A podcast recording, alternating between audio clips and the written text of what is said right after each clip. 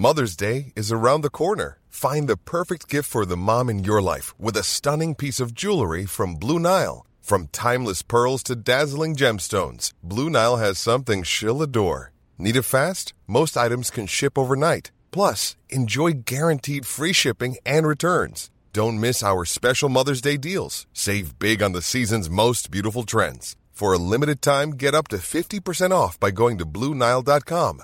That's BlueNile.com. Planning for your next trip? Elevate your travel style with Quince. Quince has all the jet setting essentials you'll want for your next getaway, like European linen, premium luggage options, buttery soft Italian leather bags, and so much more. And it's all priced at 50 to 80% less than similar brands. Plus, Quince only works with factories that use safe and ethical manufacturing practices. Pack your bags with high-quality essentials you'll be wearing for vacations to come with Quince. Go to quince.com slash trip for free shipping and 365-day returns. Hi, I'm Daniel, founder of Pretty Litter. Did you know cats tend to hide symptoms of sickness and pain? I learned this the hard way after losing my cat, Gingy. So I created Pretty Litter, a health monitoring litter that helps detect early signs of illness by changing colors, saving you money and potentially your cat's life. Pretty Litter is veterinarian developed, and it's the easiest way to keep tabs on your fur baby's health right at home. Go to prettylitter.com and use code ACAST for 20% off your first order and a free cat toy. Terms and conditions apply. See site for details. Generaler, admiraler, medlemmer, gjester, kjære alle sammen. Varmt velkommen i kulden til nok et mandagsmøte i OMS. Og jeg må innrømme at jeg var litt spent på hvor mange som har montert på seg krafsien og brodder og sånt og beveget seg ut på glattisen i dag. Og jeg ser at det er noen av de som er listeført her som fast inventar, som ikke er her i dag. Og det kan nok skyldes glatta. Jeg, jeg velger å tro det. For aftenens tema er særdeles interessant. Og knytter vi det til det vi ser på TV-en hver dag og leser i aviser, altså det som skjer i Ukraina, så vet vi at når kriger, kriser, konflikter, katastrofer oppstår, da er det all hands on deck. Da er det de ressursene man råder over i et land, som skal mobiliseres for felles beste. Det er en rød tråd i Norges historie. Vi feirer 750 år for Magnus Lagabøters landslov eh, i disse dager. Eh, leidangen og hvordan man skulle forberede seg på det som var uønsket allerede i fred, og når vilkårene var gode, er nedfelt der også. Så det er en lang, lang historie for å bruke det vi har, når det er behov for det. Og en av bærebjelkene i dette viktige aspektet ved det landet vi har, det er Sivilforsvaret. Og eh, vi er så heldige å ha sjefen for Sivilforsvaret, Øystein Knutsen jr., med oss her i dag. Og det er veldig lenge siden vi har fått noe direkte fra Sivilforsvaret om hva dere er, hvem dere er, hva dere gjør, og hva dere skal gjøre. Så Øystein, nå bruker jeg ikke opp mer tid på dette. Jeg bare sier talestolen er din.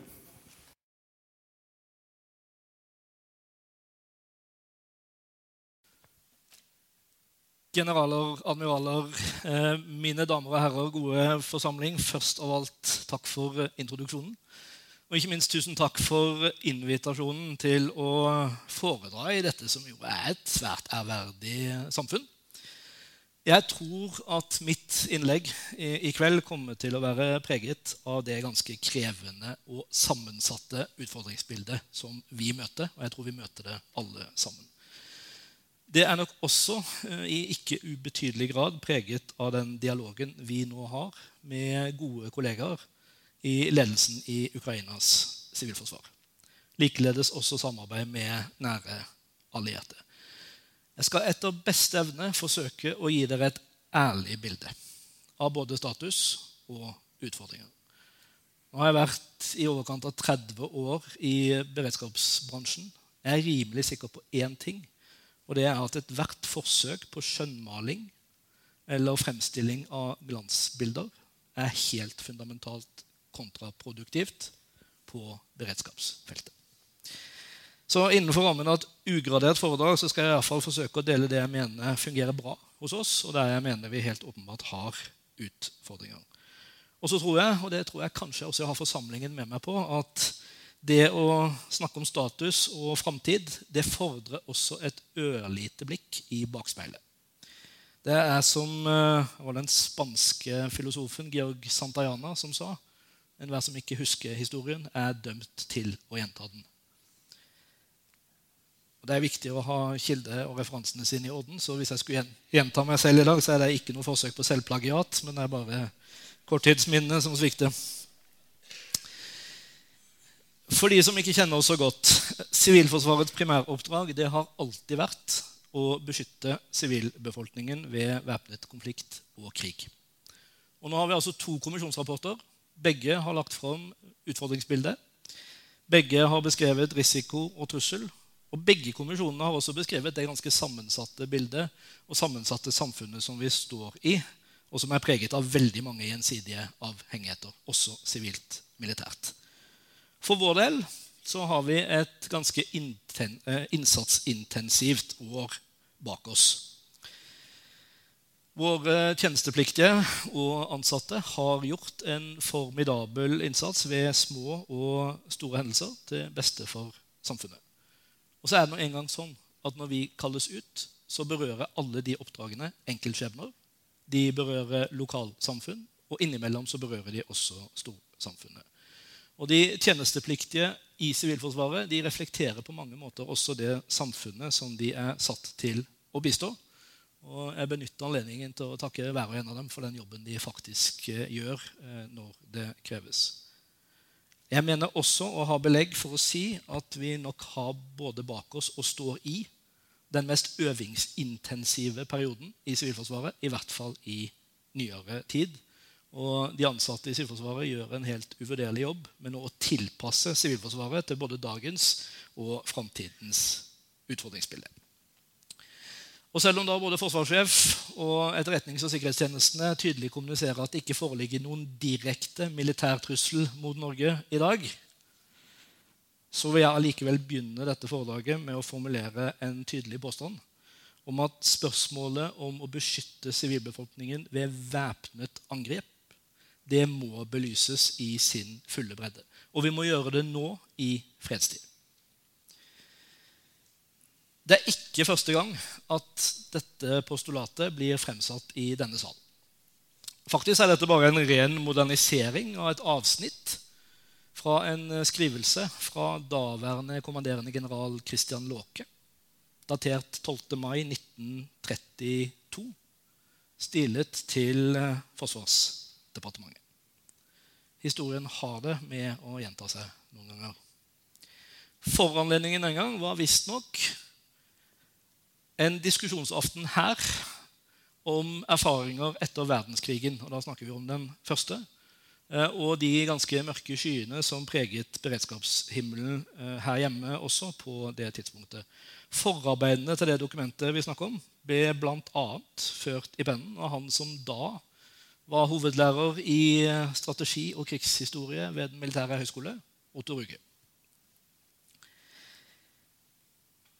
Det dokumentet førte til at Forsvarsdepartementet etablerte et utvalg som rett og slett skulle se på dette spørsmålet. og De la fram sin innstilling i 1934. Og Halvannet år etter det så la den daværende regjeringen fram forslag om en helt ny lov om etablering av et sivilt luftvern i Norge. Så Sånn sett så er Sivilforsvaret som etat, Forsvaret og kanskje da også OMS stor takk skyldig for at vi i det hele tatt eksisterer. Og vi tar med oss det i vår historie. Selve lovvedtaket det fant sted 10.07.1936. Og da var det trusselen om teppebombing av norske byer som var det utslagsgivende raison d'être. Og det skjedde tre kvart år før bombingen av Gernica under den spanske borgerkrigen. Så skulle jeg ønske da, at når jeg sto her, som jeg har stått andre steder, i 2023 og nå i 2024, så skulle jeg ønske at verden hadde tatt lærdom av de etterfølgende dyrekjøpte erfaringene, og at siviles rett til beskyttelse i krig kunne tas som en selvfølge. Dere vet like godt som meg, og jeg tror det daglige nyhetsbildet, det være seg fra Russlands krigføring i Ukraina eller det vi ser som utspiller seg i Midtøsten, det gir jo kraftfulle påminnere om at Genévekonvensjonens ganske så kategoriske imperativ om at sivile skal beskyttes i krig. Så det blir jo ikke bare ignorert, det blir bevisst eh, oversett. Eh, og man utnytter også sivilbefolkningen eh, i, til egen fordel i, i kamphandlingene. Det har etter mitt syn, og det må ha konsekvenser også for hvordan vi nå innretter oss på kriser vi selvsagt håper aldri inntreffer på norsk jord. Men jeg er altså ganske sikker på at skattebetalerne ikke lønner undertegnede for å lede og utvikle et håpsbasert sivilforsvar. Vi må forholde oss til verdens realiteter.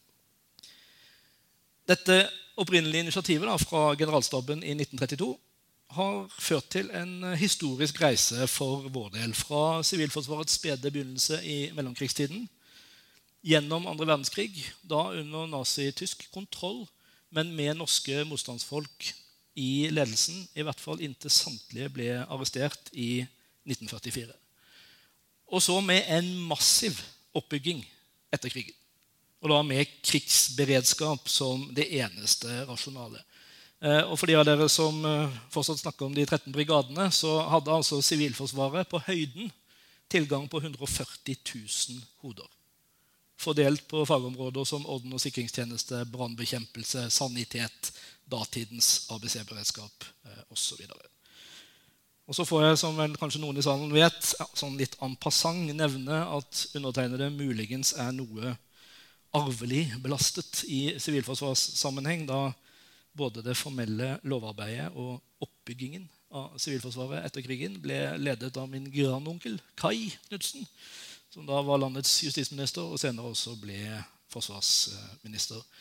Om, genene også har gått i arv hva gjelder hårfeste, det bekymrer meg jo litt mer. Men uh, altså jeg trøster meg veldig med kongens uttalelse før jul om at dette er jo en frisyre som da begrenser tidsbruken foran speilet i betydelig grad. Så Takk til Hans Majestet for den trøsten. Den, den, tar jeg med meg. I denne samme epoken så omforentes, i hvert fall på papiret, tror jeg det er viktig å si, verdenssamfunnet hva gjaldt folkerettslige forpliktelser. Først, den fjerde Genévekonvensjonen ble vedtatt i 1949. Det er den som adresserer siviles rett til beskyttelse i væpnet konflikt og i krig. Og I 1977 så fikk vi en tilleggsprotokoll, og den adresserer sivilforsvar. Av den grunn så bærer vi da dette internasjonale sivilforsvarsmerket. Den, eh, på, unnskyld, den blå trekanten på oransje bunn. Den har altså samme forankring, gir samme beskyttelse som det røde korset, den røde halvmåne, som dere sikkert kjenner veldig mye bedre enn en sivilforsvarsmerket. Jeg tror, og nå får dere bære litt over med meg, men jeg tror at for å forstå vårt utfordringsbilde i dag og framover, så må man også forstå disse folkerettslige forpliktelsene. Så la meg bruke et par minutter på dem, fordi det er en viktig kontekst for oss. Norge er som signatarstat til Genévekonvensjonene ikke folkerettslig forplikta til å holde seg med et statlig uniformert sivilforsvar i fred, krise og krig. Det er et valg vi har tatt av hensiktsmessighetshensyn. Vi syns det er fornuftig å ha det. Det vi er forplikta til, det er å løse 15 helt konkrete sivilforsvarsoppgaver i krig. Og Det er altså ikke sånn at det er vi som etat som er beskyttet, men det er utøvelsen av disse oppgavene som er beskyttet i Genévekonvensjonen. Så fremt utøveren for det første tilhører en organisasjon som er utpekt av nasjonale myndigheter for formålet, og så lenge utøveren i krig fullstendig og permanent utøver sivilforsvarsoppgaver. Sånn sett er det ingenting i veien for å ha et militært sivilforsvar. Det er noen land som har det. Det er heller ingenting i veien for at sivilforsvarsoppgavene kan ledes av Forsvaret i krig. Og det er ingenting i veien for at det kan underlegges forsvarspolitisk ledelse. Det er tilfellet i Danmark. Det er akkurat blitt det i Sverige. Men det er nok blant våre nære allierte så er det nok absolutt vanligst at dette er organisert under Innenriksdepartement, justisdepartement og beredskapsdepartement. Det er jo tilfellet her hjemme. Det samme er tilfellet i Tyskland, i Finland, i Romania, for å nevne noen. Og for de som lurer, jeg får ofte eller noen ganger det spørsmålet, det er ingenting prinsipielt i veien for at sivilforsvarspersonell kan bære våpen til selvforsvar på lik linje med militært sanitetspersonell. Men det har altså aldri vært, og det er heller ikke i dag, en aktuell problemstilling i Norge. Men vi kan sette militært personell og siden vi er i OMS, så tenker jeg det er fornuftig å nevne, vi kan altså sette militært personell til å løse disse oppgavene. Men de vil kun være beskyttet hvis de fullstendig og permanent gjør det. Det er begrunnelsen for at Norge har sagt at da er det fornuftig å ha noen som driver med det, og så kan Forsvaret drive med sitt. Så det har en folkerettslig begrunnelse at vi har valgt denne todelingen. Og jeg tror som denne forsamlingen kanskje vet bedre enn de fleste altså Det å drive en slags vekselgang mellom å være lovlig stridende og ikke-stridende, det er folkerettslig sett mer enn en smule problematisk. Så det er fornuftig å gjøre dette på en god måte. Men det er altså ingen formelle hindre for godt samarbeid mellom Sivilforsvaret og Forsvaret, ei heller i krig, så fremt vi ivaretar disse forpliktelsene, og så lenge vi gjør det med behørig respekt for ulike roller og ansvar. I fredstid ingen problemstilling uansett. Våre mannskaper står trygt skulder ved skulder med HV-soldater i fredsinnsats. Det gjorde de senest under eh, snøværet i Agder, og vi har folk ute nå også. Jeg er litt usikker på om HV er innsatt akkurat nå, men de var det i Agder sist. Jeg er helt trygg på at vi kommer til å evne å mestre den balansegangen også i det øvre krisespekteret, om det skulle bli nødvendig. Det øver vi nå mer på, og vi øver mer samordnet på det. Jeg har lyst til å berømme gode kollegaer Frode Ommundsen, sjef Heimevernet, for at HV nå systematisk involverer oss i sin øvingsplanlegging og gjennomføring. Ikke for at vi skal øve på det samme, men for at vi skal øve sammen. Det gjorde vi sist under øvelse Hovedstad. Eh, vi inviterer til den samme dansen og er veldig glad for å se at Forsvaret også deltar i våre øvelser, bl.a. i Troms, og skal også gjøre det i Rogaland i år. Og Hvis dere bare tar et lite blikk til på denne listen, så var det slik at Under den kalde krigen så, så man for seg at det var Sivilforsvaret som etat som skulle både lede, koordinere og utøve alle disse oppgavene. Derfor dette store Sivilforsvaret. Når dere ser på oppgavene, så ser dere veldig fort at i dag så er dette oppgaver som blir løst av veldig mange andre aktører enn oss. Derfor er det verdt å merke seg at da Stortinget behandlet melding 17 alle husker selvfølgelig, Det er veldig fint å kunne snakke til en forsamling som kunne ha et forhold til stortingsmelding 17. Det var nemlig den som etterfulgte Willoch-utvalgets eh, sårbarhetsrapport for noe tid tilbake. Eh, men da la Stortinget til grunn at Sivilforsvaret som etat primært skulle konsentrere seg om de tre første av disse tiltakene i krig. Varsling, evakuering og tilfluktsrom. I dag er det etter mitt syn behov for at vi tar en gjennomgang på ansvarsforholdene rundt dette. Både hva gjelder planlegging av disse tiltakene og ikke minst operativ koordinering i en eventuell krig.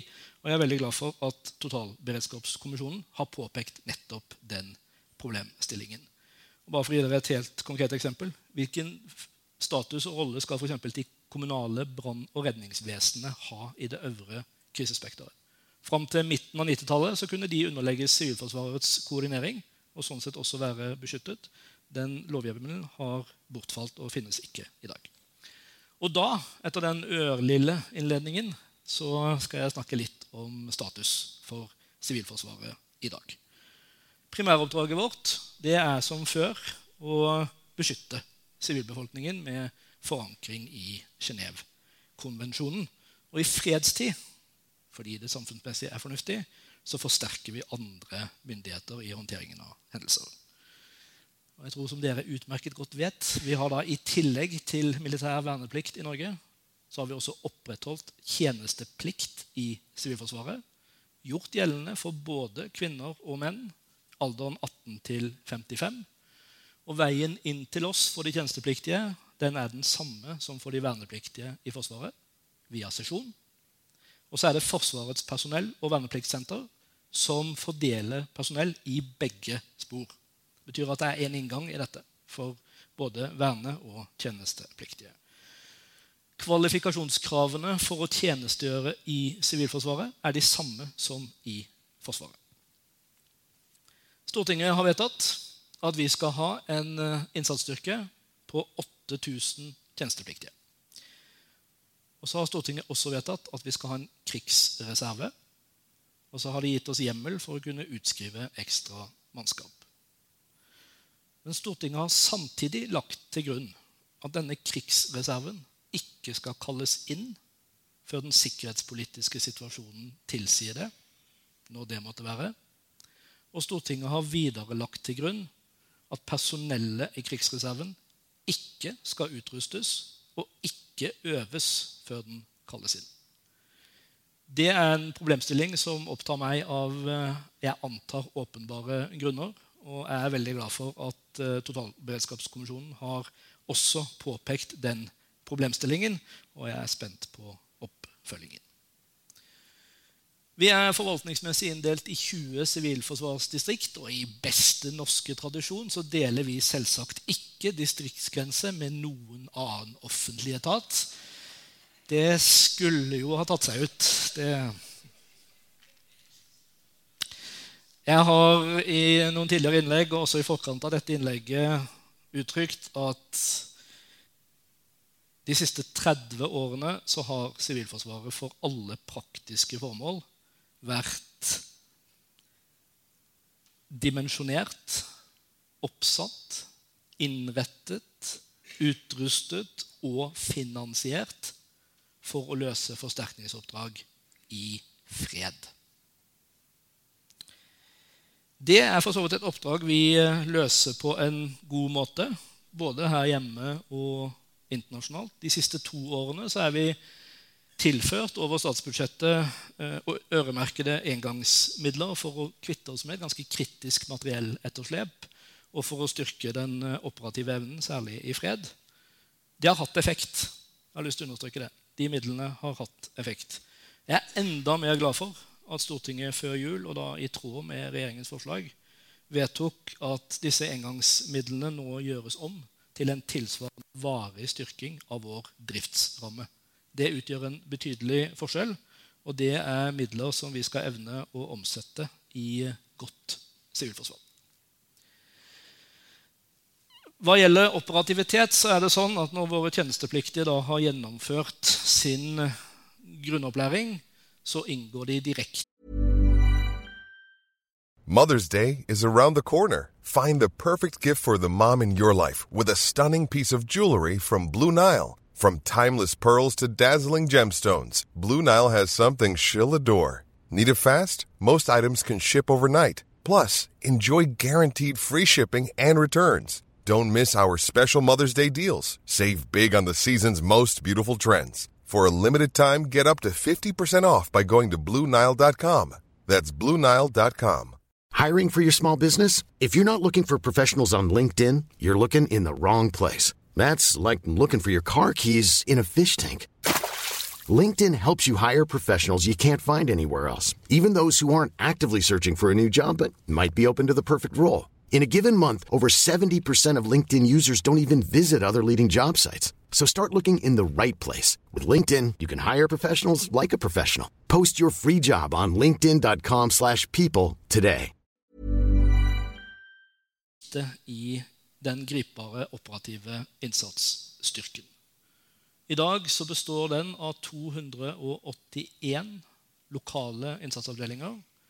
De har materiellagre i 136 av landets kommuner. Vi skiftet navn på disse avdelingene i fjor. Fra fredsinnsatsgruppe, FIG, som kanskje noen har hørt om, til lokal innsatsavdeling. Av den enkle grunn at disse avdelingene må virke i hele krisespekteret. I fred, i krise og i krig. I tillegg så har vi regionale forsterkningsenheter. Disse er oppsatt med betydelig tyngre materiell, bl.a. større strømaggregat. Vi har donert en betydelig del av denne kapasiteten til Ukraina. Dermed så har vi redusert vår nasjonale evne til å forsterke. Men etter min syn så er det en helt riktig prioritering. Og den er blitt tatt umåtelig godt imot hos våre ukrainske kollegaer. Vi erfarer, og det tror jeg er på samme måte som i Forsvaret, at reanskaffelsestiden for det materiellet vi donerer, den er sterkt økende. Vi er fryktelig mange land i det samme internasjonale markedet, og alle skal ha tak i det samme. For vår del er jeg veldig glad for at reanskaffelsen er fullfinansiert.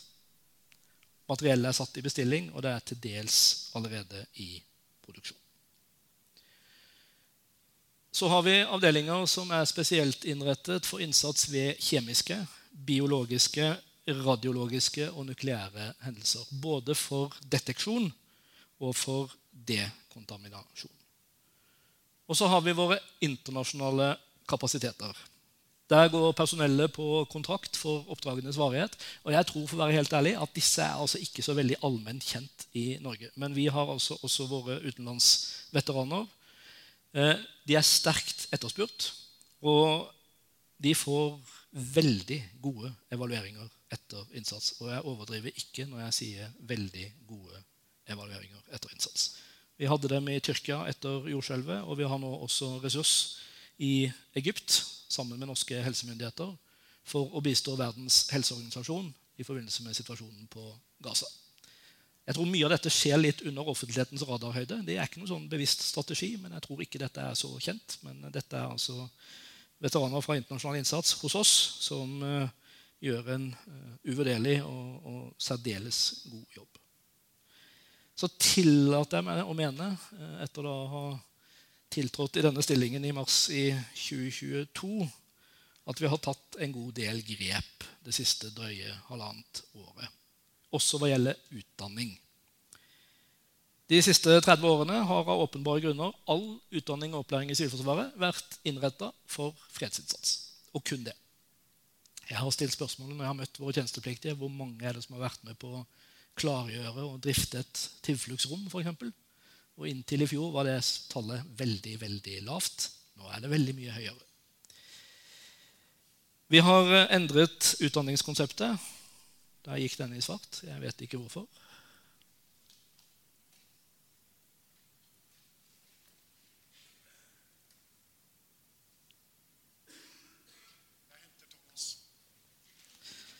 Ønsker formannen at eh, innlederen venter, eller skal han snakke? Jeg er fullt ut i stand til å tenke uten både det ene og andre. Vi eh, endrer innholdet i kursene våre ikke bare for at vi skal virke i hele krisespekteret fred, krise og krig, men også for å sikre at personellet vårt faktisk har de enkeltpersonferdighetene som de trenger i, i hele krisespekteret. For meg litt uvisst av hvilken grunn. Så har Sivilforsvaret som etat, ulikt alle andre, eh, gjennomført ulike grunnkurs, ulik befalsopplæring, avhengig av hva slags avdelingstype personellet har vært ment å skulle tjenestegjøre i. Det har da gjort at eh, tjenestepliktig mannskap og befal som har vært utdanna for disse eh, regionale forsterkningsenhetene eller CBRN-avdelingene, ikke har kunnet gjøre noe annet enn å være i den type avdeling. Hvis de da har flytta til en annen del av landet, som ikke har akkurat den avdelingstypen de har vært utdanna for, så har de blitt dimittert fra Sivilforsvaret. Forvaltningsmessig så er det sånn, etter mitt syn en sånn elegant måte å skyte seg selv i foten på hvis man ønsker å opprettholde en eh, innsatsstyrke operativ sådan, med 8000 tjenestepliktige.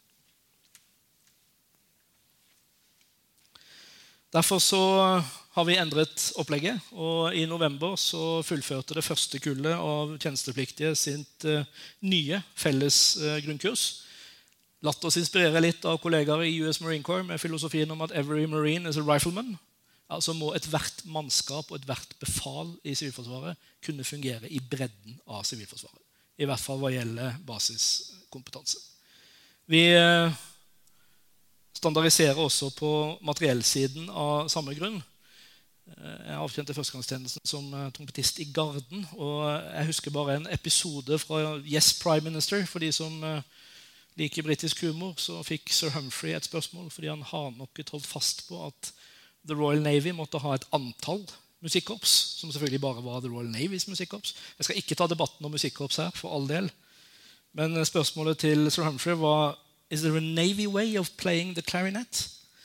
Og vi har ett sivilforsvar i Norge. Det må gjøre det mulig å standardisere en del prosesser. Så nå går vi da over til felles grunnopplæring for mannskapene. tilsvarende for befal, Og så spesialiserer vi i etterkant. Altså Dette personellet må kunne brukes og være gripere i, i hele landet. Og så til eh, utfordringsbildet. Behørig beskrevet av begge kommisjonene av våre hjemlige etterretnings- og sikkerhetstjenester. For oss så er det isolert sett av betydning at Norge ligger der Norge ligger. I nord, et land med 2,2 millioner kvadratkilometer jurisdiksjonsområde, og et søk- og redningsområde som strekker seg hele veien opp til Nordpolen. Sivilforsvaret er ikke til stede på Svalbard i dag. Det er nå en problemstilling som er til vurdering.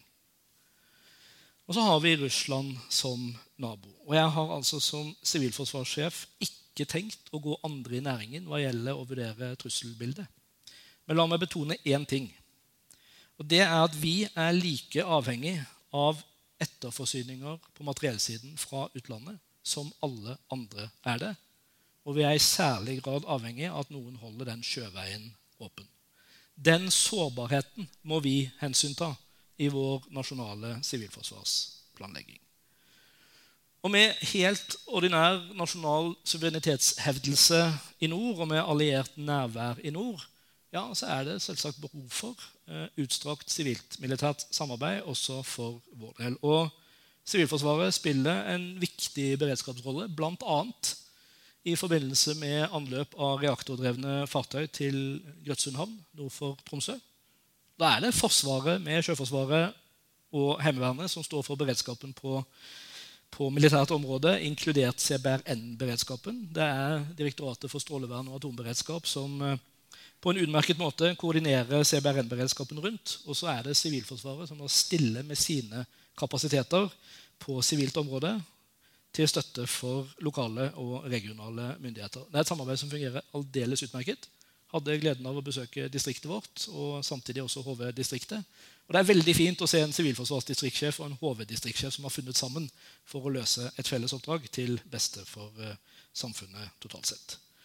Det er også et Russland som veldig få kilometer fra vår felles grense har betydelige lagre, deponier av avfall.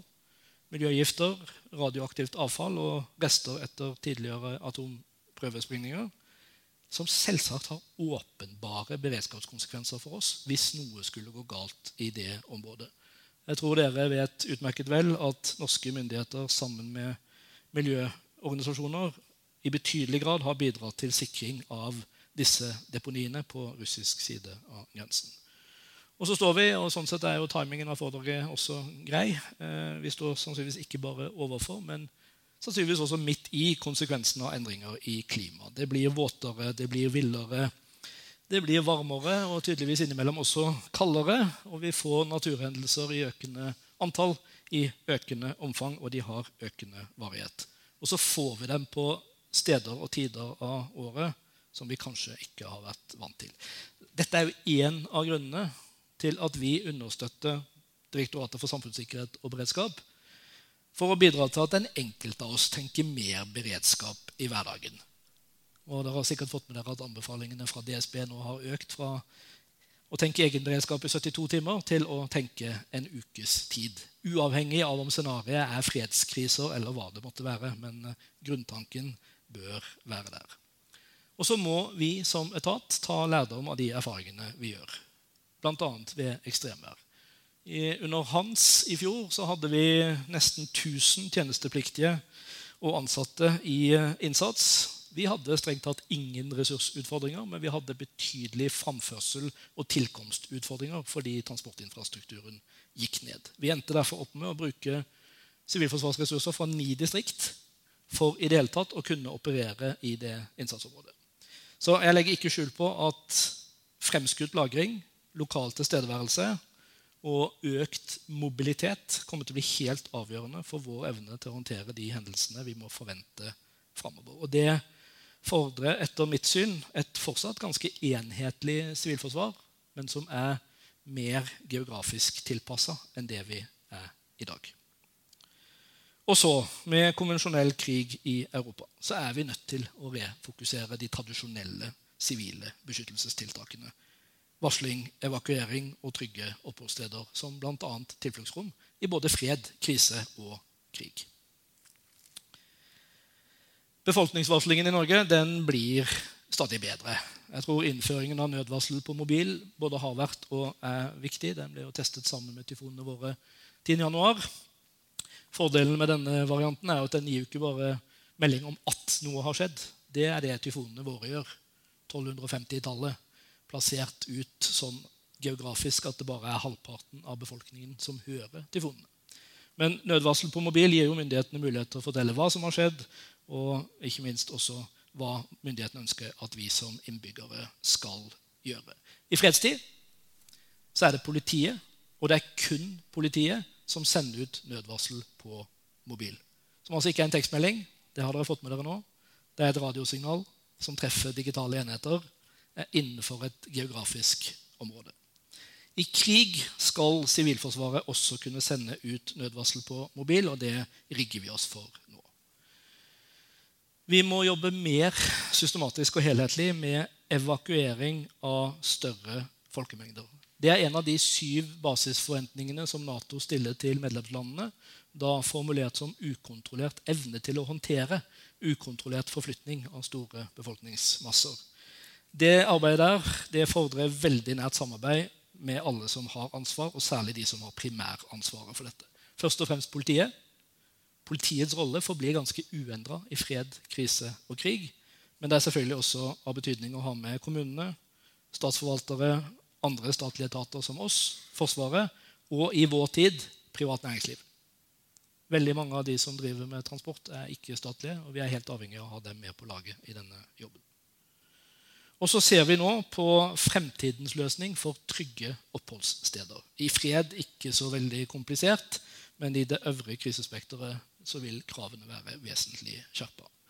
Jeg tror dere vet utmerket godt at Norge har beholdt et konsept for tilfluktsrom. Vår anbefaling er at disse rommene bør tas godt vare på, helst også oppgraderes. Dekningsgraden her i landet har samla sett aldri vært over 55 Det er fordi at veldig mange har hatt sin plass i Forsvaret eller i andre etater med tilgang på egne anlegg. Men vi har aldri vært over 55% på landsbasis. Det er stor regional variasjon. Også. Eh, andre land har liksom satsa mer på fulldekning. Av eh, våre nærmeste naboer så er nok Finland i særklasse. Eh, veldig høy dekningsgrad.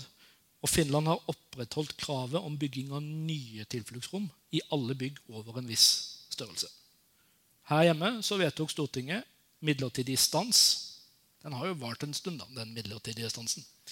Eh, midlertidig stans i bygging av nye tilfluktsrom med virkning fra 1998-1999. Og Så har vi altså blitt flere mennesker her i landet, og en del av disse rommene er slettet fordi byggene som sådan er, er revet.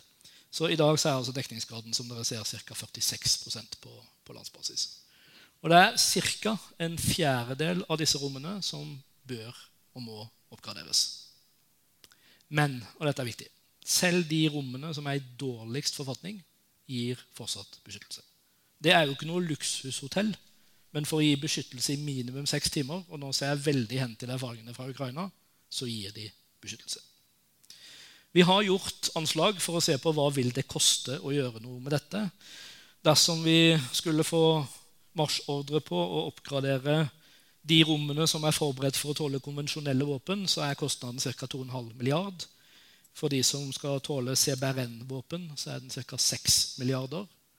Og Hvis Stortinget skulle vedta å bygge nye, så vil det koste ca. 1 milliard per prosentpoeng økning i nasjonal dekningsgrad. Så å gå fra 46 til 47% er 1 milliard kroner. Og vi har bygget tilfluktsrom i Norge for ca. 50 milliarder historisk sett.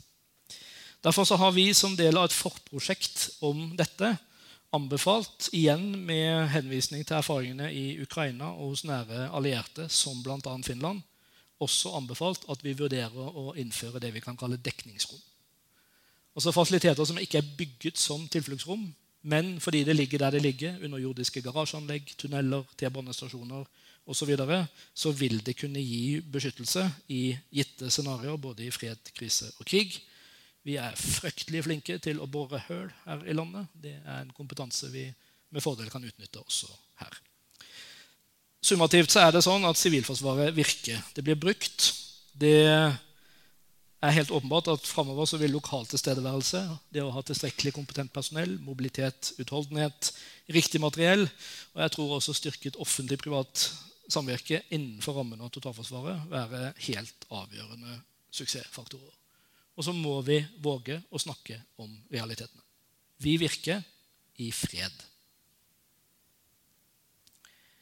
For å sitere Totalberedskapskommisjonen vår kompetanse og våre kapasiteter bør videreutvikles av den enkle grunn at forsterkningsbehovet i krig kommer til å bli vesentlig større enn det vi ser i fred. Så Jeg skal gi dere et helt konkret eksempel, og så skal jeg gi dere et dilemma. En av våre oppgaver i krig det er å bistå med klargjøring og drift av de offentlige tilfluktsrommene. Det største offentlige tilfluktsrommet i Tromsø, som til daglig da er i bruk som parkeringsanlegg, det er helt fint. Det har 10 000 plasser.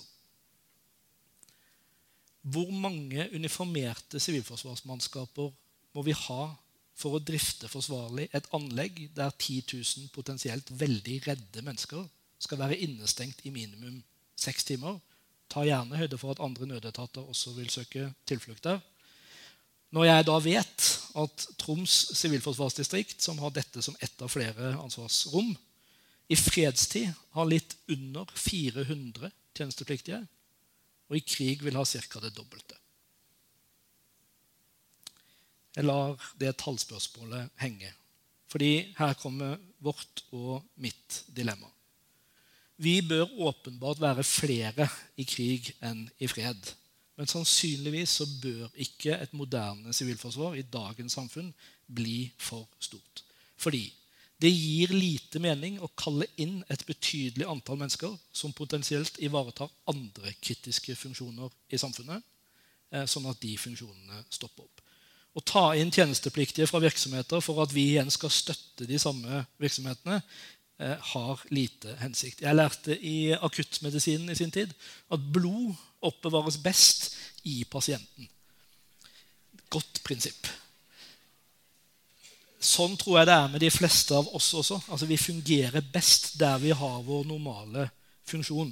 Og Det er én av tilbakemeldingene vi har fått fra Ukraina. Vi må sikre at samfunnet rundt fortsatt funker så, i så sterk grad som mulig. Dette er jo bl.a. gjenspeilet i det eh, høringsforslaget som Justis- og beredskapsdepartementet nå akkurat sendte ut om endringer i sivilbeskyttelsesloven, eh, som er knytta til å lovregulere sivil arbeidskraftberedskap i det øvre krisespekteret.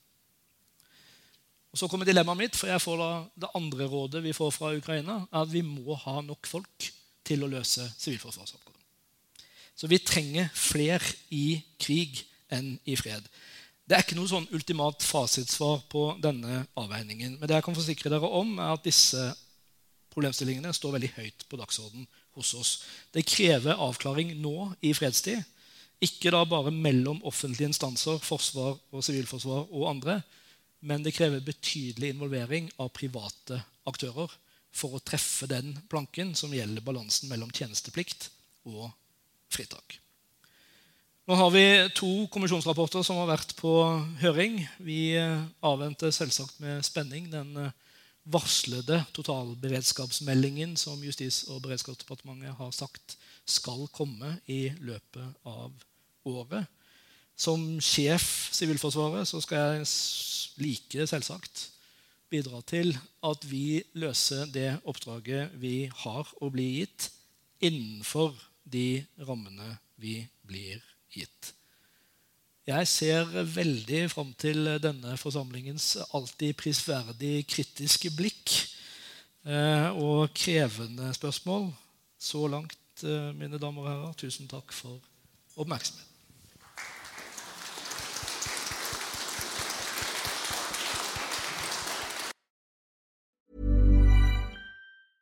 Cool fact a crocodile can't stick out its tongue. Also, you can get health insurance for a month or just under a year in some states. United Healthcare short term insurance plans, underwritten by Golden Rule Insurance Company, offer flexible, budget friendly coverage for you. Learn more at uh1.com. Hey, it's Danny Pellegrino from Everything Iconic.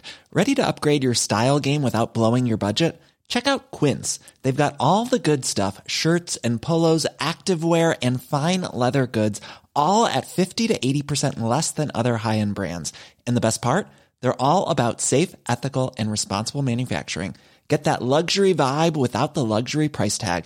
Hit up quince.com slash upgrade for free shipping and 365 day returns on your next order. That's quince.com slash upgrade.